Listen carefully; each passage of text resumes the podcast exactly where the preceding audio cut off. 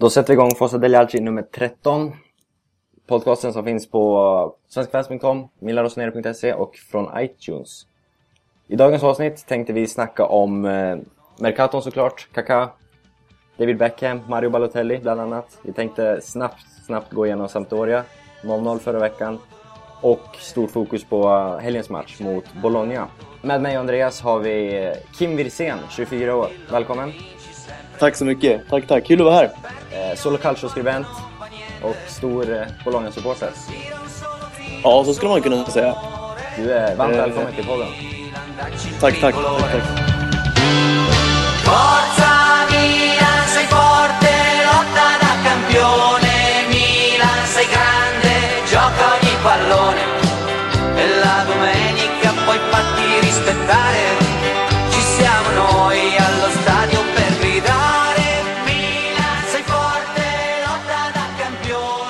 Campione. Börjar med eh, förra veckans match, senaste matchen.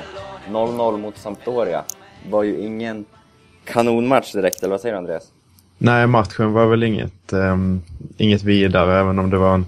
Det var ju såklart spännande att se Niang från start och sådär. Vi hade ju tridenten framåt som var, hade en medelålder på, eller en gemensam ålder på 60 år. Vilket då är yngre än Zlatan och Kasano tillsammans förra säsongen. Så det är en väldigt drastisk sänkning där. Men um, bortsett från att, att se Niang så var det ju inte mycket man kommer minnas den matchen ifrån.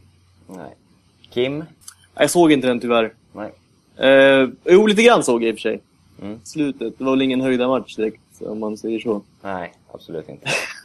Så, eh, jag vet inte, ska vi lägga den bakom oss? Det är 0-0, tråkig match. Eller? Det, det som är lite intressant är ju att Allegri bytte ut eh, El-Sharawi. som eh, och han idag på träningen så väljer han att eh, få mer information utan El-Sharawi. så det kan ju bli så att eh, han vilas eller bänkas beroende på hur man ser det mot Bologna. Så det är någonting man kan ta med sig och det, det känns ändå skönt att han att han kan ta ett sånt beslut att han låter Niang vara kvar till exempel. Men byter ut El Shaarawy som inte hade någon bra match mot Sampdoria. Vi får se, vi tänker ju prata mer om Bologna-matchen senare och förutsättningar och så vidare. Så vi kommer väl in på El Shaarawy sen. Exakt. Men om vi skulle zona över till Mercaton direkt, det är väl det som intresserar tider som dessa. Och vi börjar slänga ut ett namn, så... Ja, jag säger Kaká. Säger du du Andreas? Eh, Ja, det, det är ju väldigt eh, tudelat med nostalgi och vad man tror vad ska hända på plan och sådär. Och du har ju skrivit en fin krönika om, eh, om det nostalgiska. Mm, tack, tack. Eh, Ska man ta det på plan så är jag ju överlag skeptisk till eh, äldre brassar. För att de brukar gå ner sig ganska tidigt i åldrarna. Men samtidigt så är inte Kaká inte en typisk brasse på, på flera sätt. Liksom. Han, är, han kommer inte från favela utan han kommer ju från en, en stabil uppväxt och han är ju lite mer italiensk italienskt i spelstilen om man får jämföra så. För han har ju mer en funktionell teknik än spektakulär. Så han är ju olik brassar på eh, stereotypen av brassar på, på lite olika sätt. Men alltså absolut, jag är för flytten eh, överlag. Det, jag envisades ju när ryktena kom i somras eh, efter Thiago Silva och eh, Ibra lämnade. Så eh, att byta Kaká mot Boateng som det var mycket snack om. Eh, och det var jag ju för då och det uppskattades inte av andra milanister som, om jag ska uttrycka mig milt om den saken. Jag vet inte om opinionen har vänt nu för det verkar vara många som vill ha tillbaks eh, Kaká nu. Mm. Jag vet inte, Kim, har du, vad har du för blick på, på affären? Ja, ryktena hittills, ingen affär än, men... Eh, alltså, jag har alltid varit ett stort Kaká-fan. Eh, han var ju fantastisk i Milan och jag tror att karriären har ju gått i stå på något vis när han flyttade till Spanien. Kommer han tillbaka till Milan tror jag väl att det kan komma någon sorts... Han kan göra någon sorts comeback tror jag. Sen om det kommer istället för Boateng eller hur man lägger upp det, det vet jag inte riktigt. Men han skulle säkert kunna få någon sorts blomstrande period i Milan igen, hoppas jag i alla fall. För han har ju talangen i sig, det vet ju alla. Eh, och i Milan trivdes, eller ja precis, i Milan trivdes han väl väldigt bra också, förstås. Och jag kan bara instämma att jag tror att många fans också skulle verkligen tycka om att få tillbaka Kaká. För det är en fantastisk spelare när han är bra. Så är det ju. Så jag hoppas ju att affären går igenom så vi får tillbaka honom i Serie A, inte minst. Eh, om jag ska förtydliga lite. Jag menar inte att byta mot Boateng nu utan det var det som var snacket i, i somras. Eh, vi och jag och David var ju väldigt skeptiska till Boateng skulle klä sig i en stjärnstatus och få en spelförande roll och sådär. Så man, det har ju visat sig att han inte riktigt har klarat av den. Och eh, jag tycker att behovet för en spelare som Kaká som kan avgöra matcher på egen hand, som har kreativitet och en passningsfot och så vidare. Det behövs verkligen i Milan. Dessutom så har ju det här behovet, även om det är stort, så har det döljts lite av att El Shaarawy har gjort en helt fantastisk höst. Mm. Och det kan man inte riktigt lita på en, att en så pass ung spelare ska hålla så länge. Han behöver verkligen avlastas och sådär.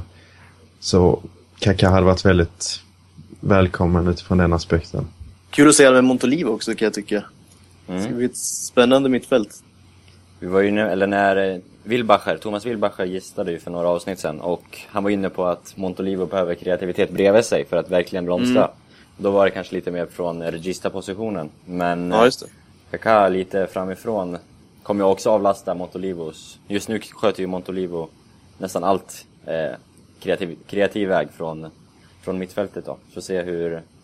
Det ska bli intressant att se om, eller när han eh, anländer nu, hur, eh, hur Montolivo kommer agera på plan. Du verkar vara säker på att han kommer. Ja, ja, jag vet inte. Det var ju... Ryktena kom ju igår, eller i förrgår, när nu det här avsnittet kommer ut. Men... Ja, den här gången kändes genuint. Jag vet inte, som jag skrev i krönikan, den här gången tror jag verkligen på det. Eh, alltså det var ju Kaká själv som startade ryktena med de uttalandena. Och det var inte vilka uttalanden som helst, utan han sa ju jag ska göra vad som helst för att komma till klubben. Eh, I dagarna har, eller idag har Galliani bekräftat att Milan förhandlar med Real. Och till och med Milans hemsida har också gått ut med det och säger att man förhandlar med Real. Eh, man ser också att Real, eh, alla tre parter då, vill, vill att den här affären ska gå igenom. Så det är ju bara pengarna som sätter stopp just nu. Eh, men jag tror, jag tror det kan, eh, att vi kan komma fram till en lösning helt enkelt. Det känns som det. Det är magkänslan Känns, som att, mycket. känns det som att alla tre parter vinner ju på en deal. Ja. Verkligen. Helt klart. Man har ju aspekten med eh, VM 2014. Kaká kan inte vara kvar i Real Madrid om man vill spela hemma VM. Tror jag. Jag vet inte vad du säger, Alltså, eller vad ni säger. Mycket möjligt. Så är det absolut. eh, Eller förmodligen är det så. Han kommer ju ha väldigt svårt att hitta en plats där igen. Det är ju den här ek- ekonomiska aspekten som eh, tar emot och det, det är ju väldigt stor skillnad för att enligt påst, vissa källor påstår att han har 13 miljoner euro om året nu i Real. Gazzetta dello Sport idag skrev 10 miljoner, men i alla fall Milan kan erbjuda på sin höjd 5 kanske. Kan jag tänka mig. Ma- möjligen att man sträcker sig- till 6, men eh, jag har svårt att säga att man eh, går så högt, betalar så hög lön för en spelare över 30. Så det är ju ett väldigt stort problem det här med lönen och en väldigt stor anledning till att den här lönen är ett problem är att ehm, när Kaká skrev på sitt kontrakt för Real Madrid samtidigt som Ronaldo och alla de kom till spanska ligan så hade Spanien mycket, en betydligt lägre skattesats. Eh, och den har rättats till nu vilket gör att de här spelarna när de ska skriva sitt nästa kontrakt så kommer det vara väldigt mycket dyrare för klubbarna att betala samma lön. Och svårare för eh, spelare att få samma lön. Kaká kommer, kommer aldrig få den här lönen igen. Nej. Nej, så är det nog. Och då kan man ju se på det på olika sätt. Antingen så vill han liksom verkligen utnyttja den här situationen och få de här pengarna. Eller så får han se det ur situationen att ja, när kontraktet med Real löper ut så kommer han ändå aldrig få de här pengarna så då kan han ändå acceptera en lönesänkning och ett förlängt kontrakt. För mig är det konstigt att om man inte hittar en, Eh, jag vill inte kalla det kryphål för jag tycker det är så stort, eh, att man liksom kan huka sig igenom det eller någonting. Eh, att man inte låter Real betala ut den här lönen och sen så hittar någon lösning med att Milan och Kaká betalar för att få låna honom resten av hans kontraktsperiod. Alltså, han har 18 månader kvar på kontraktet med Real Madrid. Real betalar ut hans lön. Kaká kanske kan tänka sig att sänka den lönen lite så han betalar tillbaks den, en viss summa till Real Madrid. Och Milan betalar då för att få låna honom. Så att detta då skulle kompensera kostnaderna som Real får. En typ av den lösningen kan jag tänka mig sker. Och eh, Galliani var inne på det idag också, att man vill hitta en kreativ eh, lösning på, på själva affären. Så jag kan tänka mig att det är något sånt som eh, kan hända. Mm.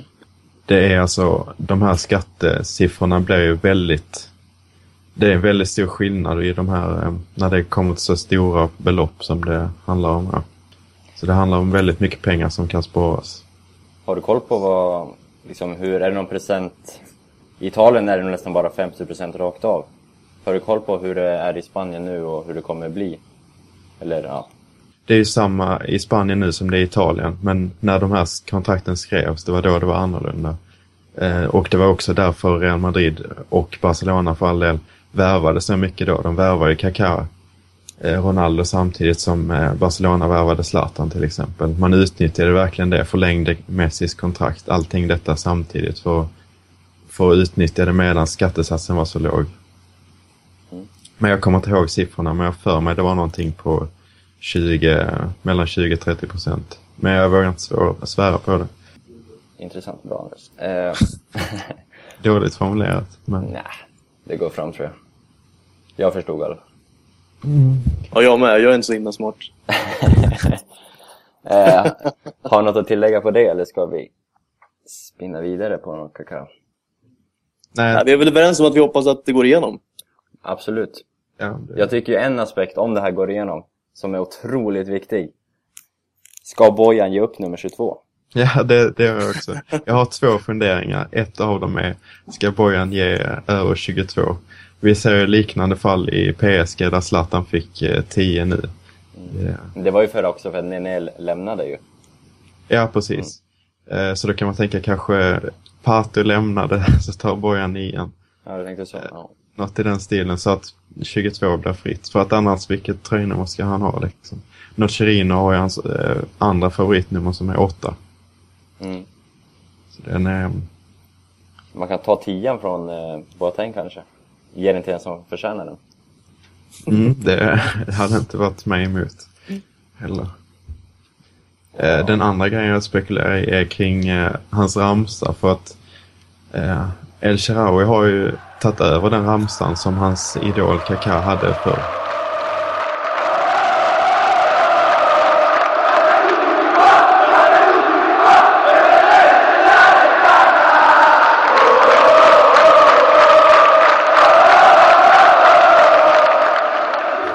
Men om vi, om vi, om vi ponerar att Kaká kommer. Om vi börjar med Kim. Eh, hur tycker du Milan ska formera med Kaká i laget? Rent sportsligt.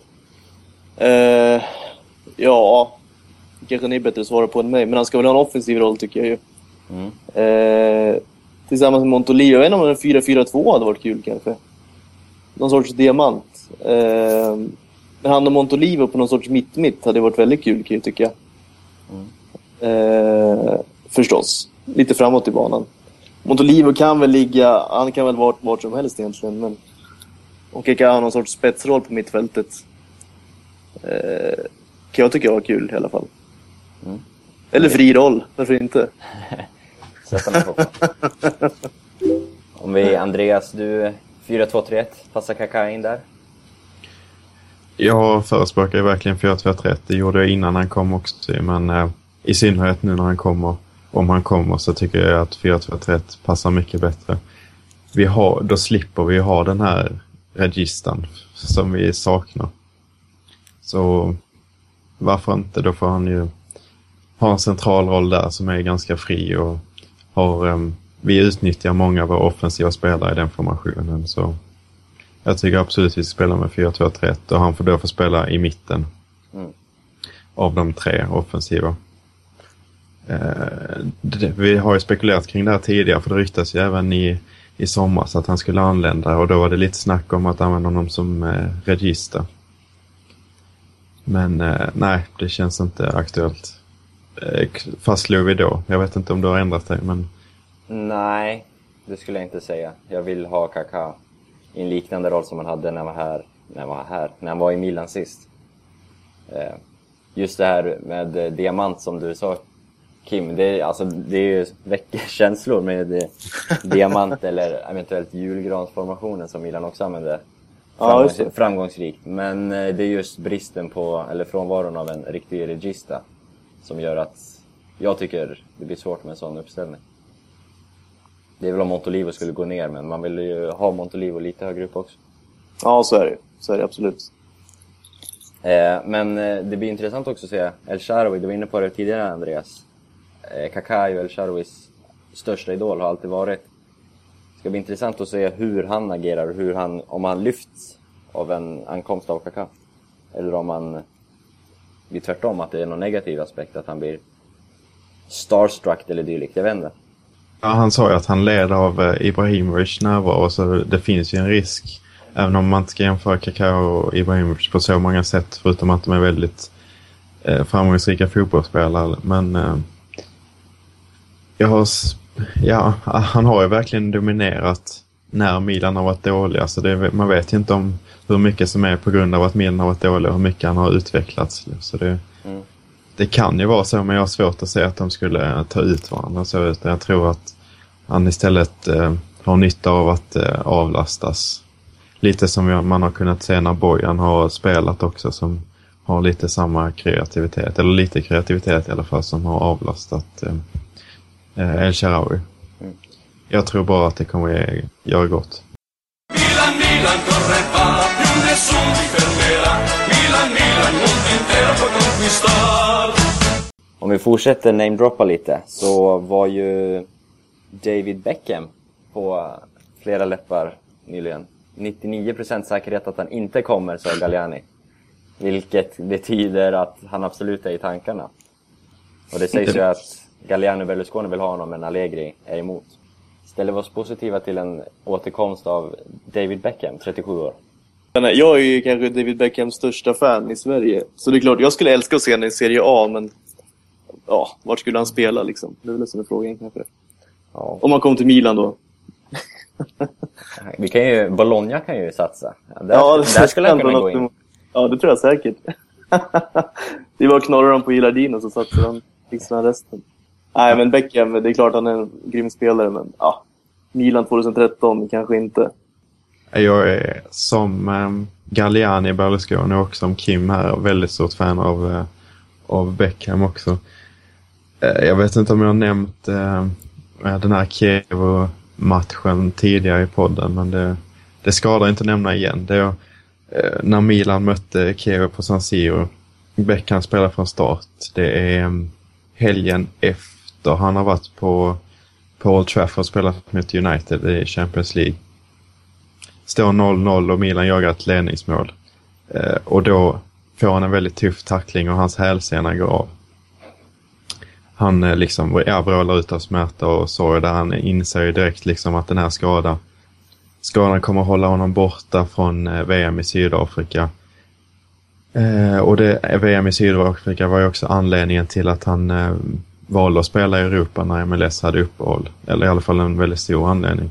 Ändå så går han upp väldigt snabbt på fötterna, skuttar runt på liksom ett ben och slår kortpassningar och sånt där. Han märker att det inte funkar efter ett tag men då liksom han liksom skuttar ut kvickt på ett ben. Han vill inte att en bås ska komma in och hämta för att eh, laget ska tappa tid och sådär. Han var, visar en väldig inställning för laget och så vidare.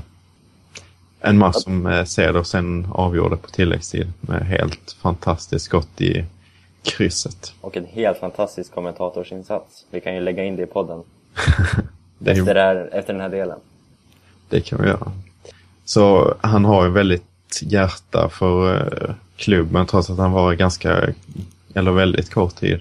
Han har ju pratat väldigt gott om klubben och sådär så jag hade gärna plockat in honom eh, nu under en kort period.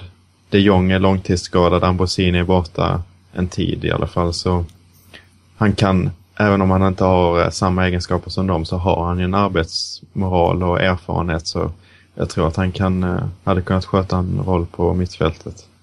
Det är väl det man tänker också när man tänker Beckham. Det är väl inställning, liksom. Sportsmanship. Mm. Det är där han bidrar verkligen, tycker jag. Det är en kille som lallar runt på planen, utan han vill ju alltid bidra. Han vill ju alltid ha bollen och skapa saker, liksom. Och det är därför man beundrar honom så mycket, kan jag tänka mig också. Även utanför planen. Ja, Så-.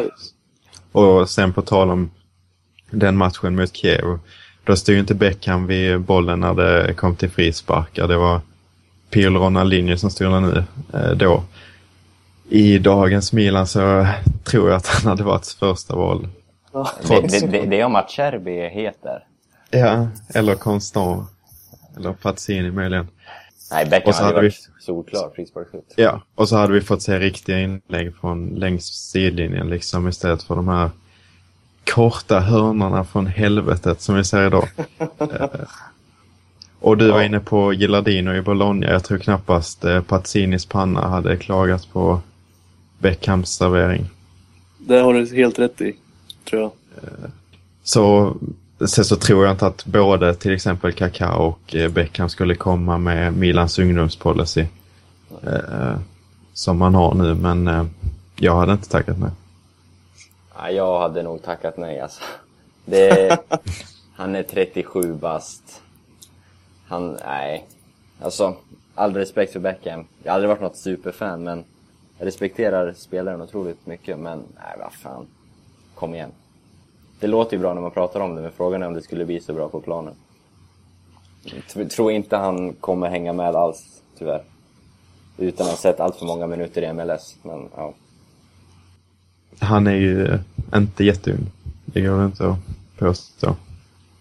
Men jag, eh, sen är det också en slags motreaktion på alla, eller den skaran som, eh, som påpekar vår ungdomspolicy och tycker att de här ryktena att det här är helt fel att, eh, att plocka in till exempel Kakao och, och Beckham för att vi ska satsa på ungdomar. Men satsar man på ungdomar uteslutande så kommer det kommer man ju aldrig vinna någonting igen. Det kommer bli som Arsenal eller något annat exempel. Alltså man, man måste ju ha en blandning av erfarenhet och, och ungdom.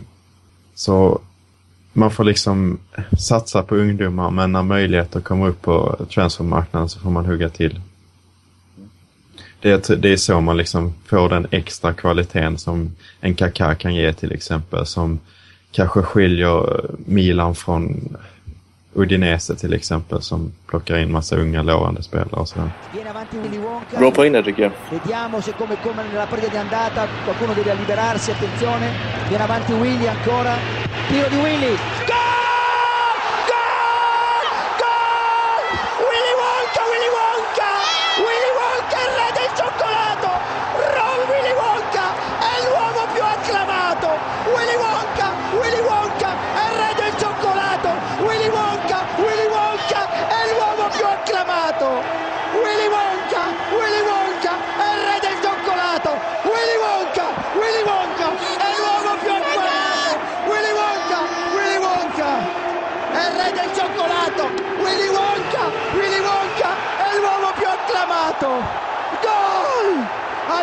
All'incrocio!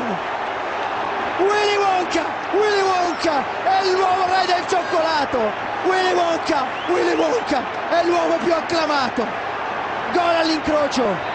Willy Wonka, Willy Wonka è il re del cioccolato! Willy Wonka, Willy Wonka è l'uomo più acclamato!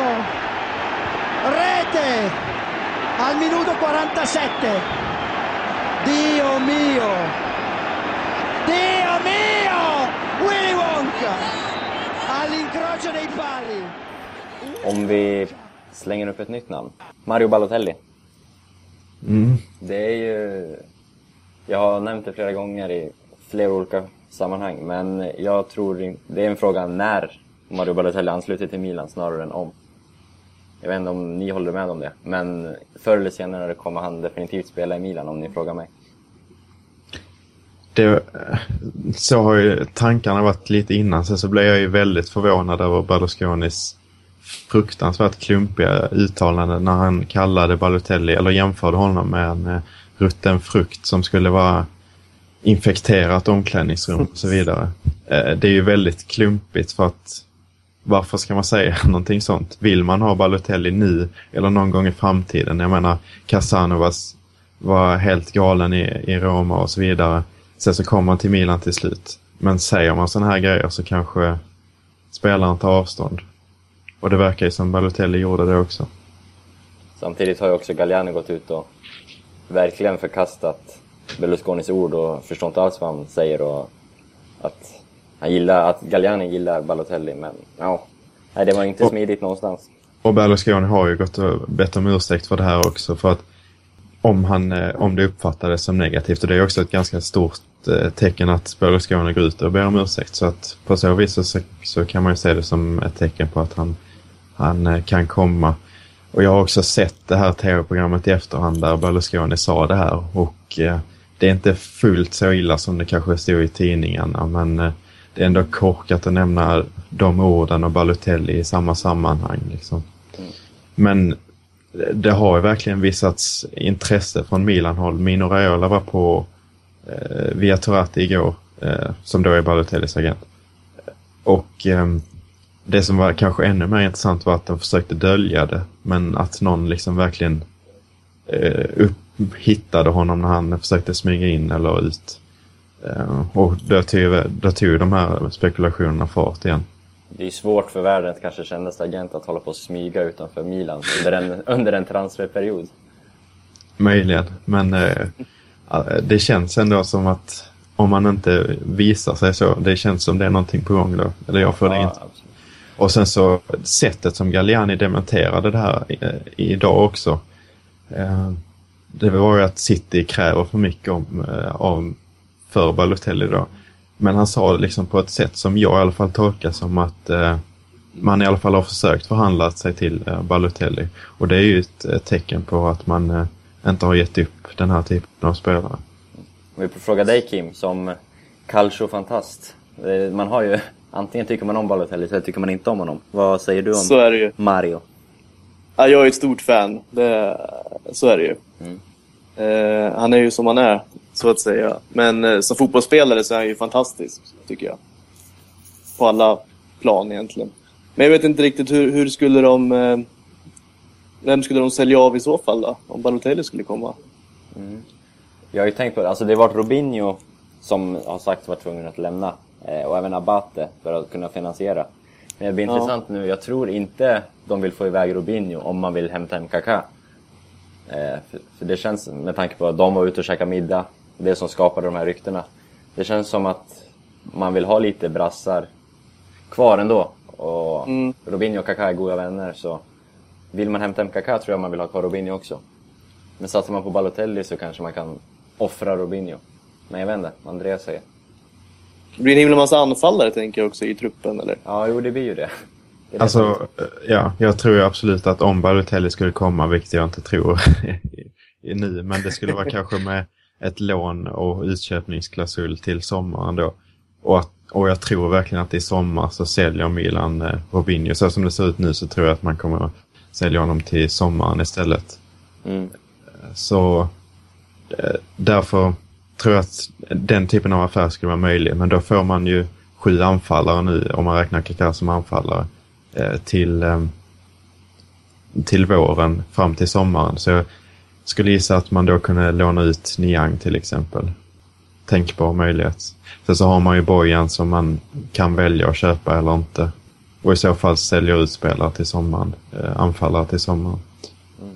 Eh, Men det svänger på, på Mercaton. Liksom. I ena stunden så har jag trott att ja, Balotelli och Lodi till exempel, de är möjliga. Men eh, sen så i andra stunden så tänker man att han eh, Sabonara som kom nu, eh, talangen, som påminner en del om Kaká har gjort åtta mål i Serie B för Empoli.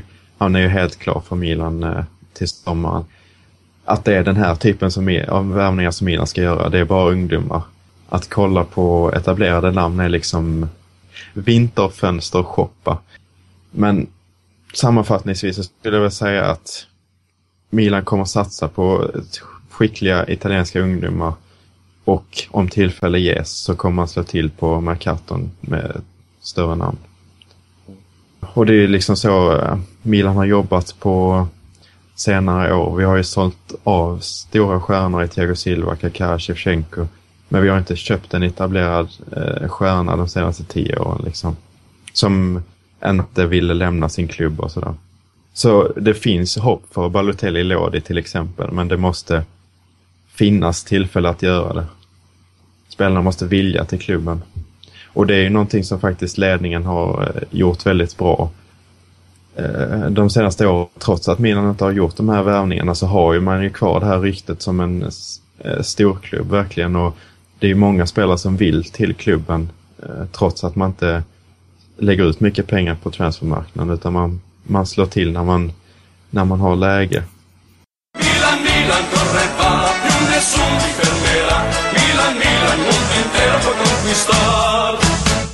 Om vi släpper Mercaton och fokuserar på nästkommande match så är det ju Bologna på söndag klockan 15.00. Eh, Kim, det är ju, här får du dra ett tungt lass. Vad är Bologna för lag egentligen? Vad har vi att vänta på söndag? Hur ser skadeläget Ja. ut och så vidare? Det är väl det som är grejen. Man vet ju aldrig vad man kan vänta av Bologna nu för tiden. Nej. Eh, väldigt blandad säsong hittills med eh, ja, toppar och dalar helt enkelt. Svårt att hitta någon sorts stabil nivå tycker jag. Eh, det är allt från plattmatcher till bragdmatcher. Eh, eh, och därför tycker jag väl att ja, Milan ska inte vara helt säkra på en vinst. Så mycket kan nog säga. Nej. Sen kan det säkert bli både 6 och 7-0 till Milan i slutändan. Men så på förhand i alla fall så... Man vet liksom inte vad man har Bologna riktigt. kan jag tycka. Och det tycker nog motståndarna också. Det var ju en tuff match mot Inter i, i veckan. Ja, surt. Oerhört surt. Eh, bra match tycker jag. Kul match. Eh, ja, skitslut förstås. Mm. Men eh, det var ändå kul att se grabbarna vända. Diamantis fantastiska frispark och eh, Gabbiadini där i slutet får in kvitteringen. Och, eh, de ger ju inte upp. Eh, så mycket kan man ju säga. Och det har de ändå bevisat under säsongen tycker jag. Att ja, man kan vända på matcher liksom. Det är inget problem så. Eh, och det tycker jag är väldigt kul. Det är lite Pazza Bologna. Om man, ska- om man ska sno Inters, ja, men så är det. Inters fras. Ja, precis. Helt klart. Andreas. Jag, så, jag såg inte den ordinarie tid. Jag såg bara extra tiden i, i eh, Inter Bologna. Men eh, Mm. ja, det var, alltså Bologna spelar ju verkligen modigt och, och väldigt Ja, positivt. eh, Och vi spelar dem väldigt bra när de är på det humöret. Så är det ju. Han gjorde några sköna byten också, Pioli, där bytte in mycket offensiva spelare. Eh, Och det gav ju resultat också. Eh, Så han bevisar på något sätt att han är en duktig taktiker också, tränaren där. Eh, Och att han kan satsa för att få en ändrad matchbild, liksom. Som det lyckades mot Inter också. Mm. Och det finns ju kapital. Alltså truppen tycker jag är bra, liksom. Topp, alltså över halvan av tabellen tycker jag väl de ska platsa på utan problem egentligen. Mm. Eh, ja, sen blir det alltid som det blir. Men eh, truppen tycker jag är väldigt, väldigt stark och ganska komplett också. Vad, tycker, vad har vi för spelare att se upp för? Eh, Se upp emot? Vi vet Diamanti som man har sett i EM och Antonsson, svensken. Ja, just det. Ja, precis. Ja, Diamante har varit outstanding. Helt klart. Han i någon sorts dynamic duo där med Gilardino. Det är ju alltid farligt nästan. Ehm, och Gabbiadini som sagt, kommit in bra. Antonsson nämnde du, det var lite kul. Mm. Eh, också väldigt stabil spelare. Han har ju... Han spelar väldigt mycket med unge dansken där, Sörensen. När Portanova var avstängd då. Eh, och sen har ju Sörensen och Antonsson nästan spelat varannan match på något vis, bredvid Portanova.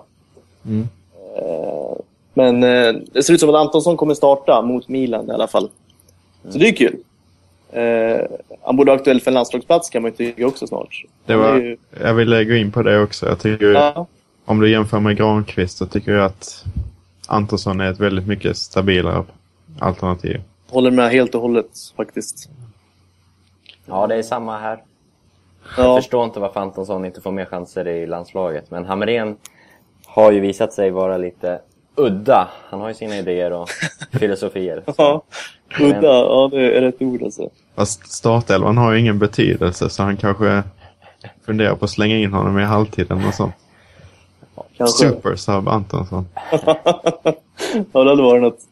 Nej, men Eh, han, är, han är väldigt stabil. Han. Väldigt stabil, lugn och metodisk. Liksom. Eh, så det känns väldigt tryggt att ha honom där bak faktiskt. Mm. Gör det. Något som man har, eller jag i alla fall har färskt i minnet är ju Kone, eller Kone hur det nu uttalas. Mm. Men eh, Kone vs Napoli, gånger två. Exakt, gånger två ja. Ja. ja han är en sorts, något, ja, någon sorts fenomen alltså. Jag vet inte vad man ska säga riktigt. Ja. Ja, vad ska man säga? Kone, men målet han gjorde mot Napoli, det var ju något av det snyggaste man har sett på länge. Det, om inte om inte hade haft Mexes mål och Ibrahimovic mål så, Ja, just det, just det. så kanske det Precis. hade suttit lite ännu... Ja. Nej, det var inte helt fel. Nej, Man säger så. Eh, sen har jag pendlat lite fram och tillbaks i startelvan där, men eh, ja. Han har ju någonting. Verkligen. Hur tycker du Bologna har eh, reagerat efter Divaius avsked? Ja, jag tycker ändå positivt. Eh, Gilardino tycker jag i alla fall är en fullgod ersättare. Eller ja, så när som fullgod. Divaio är ju Divaio. Eh, och han var ju helt, ja, totalt outstanding. Eh, gjorde i princip alla mål. Eh, men ändå ganska bra tycker jag. Jag tycker de har en, en fin offensiv nu också, även utan Divaio. Med just Gilardino som topp, man har Gabbiadini, eh, Diamanti också där. Pasquato, eh, unga, unga Verratti också. Som har spelat någon cupmatch där. Eh, så offensivt sett tycker jag de har, de har löst det riktigt bra, måste jag säga. ja, det känns ju... Ja, jag är orolig för Diamanti alltså. Det är en personlig favorit från Fifa Ultimate Team. Han är kvar i, kämpar i mitt lag som nu börjar bli bra, men Diamanti har klar plats på högerkanten. Ja, det är så. Ja, det är så. Eh, men just hans vänster, eller ja, vänsterfoten. Fasta situationer har ju Milan onekligen haft problem med den här säsongen och huvudspelet. Så inlägg, inlägg, inlägg från Diamanti mot ja, Gilardino eller varför inte Antonsson som vi pratade om, eller Portanova. Ja, eller rakt i mål. Ja, det är också, för all del. Ja, Diamante ser jag kanske som en, ja, han är väl, är han topp tre, topp fem frisparksläggare kanske i Serie A. Ja, absolut. Eh, så det är alltid ett hot, så är det ju. Framåt är de ju ett hot, Bologna. Sen eh, om de får in bollen eller inte, det... det är ju som det är med det. Om vi, ska vi kolla lite på Milan, så har vi ju, om vi var inne på att Charovi kanske vilas, eller petas, vad vi nu vill kalla det. Det är ju första gången den här säsongen han inte är med va? Eller är jag fel ute? Inte när det verkligen gäller i alla fall. Så, Nej, precis. så nej, det är absolut, det ska bli intressant att se hur eh, det ser ut då. Det är svårt att tänka sig att det kommer att vara eh, en positiv reaktion utifrån just det. Men vi har ju nyans, vi får ju se vad han går för. Och Robinho väntas väl ersätta Charovi till vänster där. Får vi se om han klarar en startplats. Jag tror ju det. Alltså jag tycker ju verkligen Robinho har gjort en bra säsong utifrån de matcherna han har spelat. Och han har ju också... Eh, han hittar ju assister på många sätt också. Eh, som folk kanske inte tänker på tycker jag. Men han har slått en hel del eh, djupledsbollar den här säsongen. Eh, och kan utmana och allting sånt där. Så det, det är en bra ersättare, det är det absolut. Det är ett schysst sparkapital, om inte ja, namnmässigt i alla fall. Ersätta Charovi med, med Robinho. Eh, om vi kollar mer så, eh, övrigt lag, vad har vi mer? Kanske ska... Bonera är ju intressant om han eh, hinner tillbaka. Jag såg honom i Gazettans eh, förväntade startelva idag. Och det är ju väl, det är mycket mer stabilitet som kommer tillbaka då, även om vissa kanske inte håller med om det. Nej, men precis. Jag skrev ju det i senaste, efter eh, Sampdoria, så skrev jag matchrapporterna på Svenska fans då. Och då skrev jag ju lite halvt ironiskt också, men jag saknar Bonera. Var är du ungefär? Och det är, även om det var ironiskt så ligger det absolut någonting i det, tycker jag. Det finns ju en fördel att ha Mexes i hans passningsspel och bicicleta-mål och sådär. Men han är ju alltså han är ju så jävla isel på... Han har ju inget... För att vara så erfaren så har han ju så fruktansvärt uselt positionsspel och kyla och allting. Jag, jag börjar tröttna på honom eh, och det grövsta. Så jag ser gärna att Bonera kommer in igen och Zapata som gjorde en bra match mot Sampdoria kan eh, kanske ta platsen bredvid. Det tror jag sett han i alla fall idag. Flamini väntas starta på mitten så blir vi av med en fransman så kommer den andra in. Det, jag vet inte, Flamini han känns som en riktig alibi-spelare i dagens Milan. Har han inte gjort några avgörande mål mot Bologna för någon säsong sedan? Varför inte göra Gjorde han det? Ja, Ja, eller, eller så var det något av de andra blåröda lagen. Finns det några? Finns några stycken? Men jag tror nästan det var Nej, det är möjligt. Ja. Kan jag också tycka är någon sorts, ja, överflödig eller? Jag vet inte. Ja, han är ju enligt Allegri lite mer av- av en trekvartist. Alltså, Ja. Han är ju en sån spelare man borde kunna sälja av i det här fönstret. Kan man tycka. Ja, samtidigt har han bara ett halvår kvar på kontraktet som Ja, han, skrev- si- han signar bara ett år. ja. Ja. Det är väl ingen spelare som kommer att fortsätta, men Nej. Startar, startar väntas han göra i alla fall. Idag, vi får se. Det här kan ju ändras flera gånger om. precis, de, det är ju faktiskt två dagar kvar så det brukar förändras rätt så rejält. Men eh, jag kan ju tycka det är konstigt att man väljer Flamini för- före Nocherin och Boateng. Ja, det måste vara en anledning bakom i så fall. Det känns jättekonstigt så här. På rak arm bara. Men eh, Det sades ju att Boateng skulle vilas helt enkelt. Tillsammans med El Shaarawy. Vi får se. Det är långt kvar. Idag. Det är passande att vila dem precis efter de har gjort eh, dåliga insatser båda två för ligamatchen. Milan, Milan corre va, più nessuno ti fermerà. Milan, Milan, mondo intero può conquistar. Det var allt för veckans avsnitt. Eh, får tacka Andreas för en stabil insats som vanligt. Ja, tack så du ha. Men ett ännu större tack till Kim för klockren insats. Tack så mycket. tack själva. Det var ett stort nöje att vara med faktiskt. Jättekul. Eh, ni får gärna lämna kommentarer på svenskafans.com eller på milaroseneri.se eller via iTunes, det går där också. Eller all feedback gillar vi, var som helst, alla plattformar. Twitter, Facebook har vi också. Eh, vi hörs väl igen om en vecka ungefär. Annars får ni ha det så bra och Forza Milan. Ciao!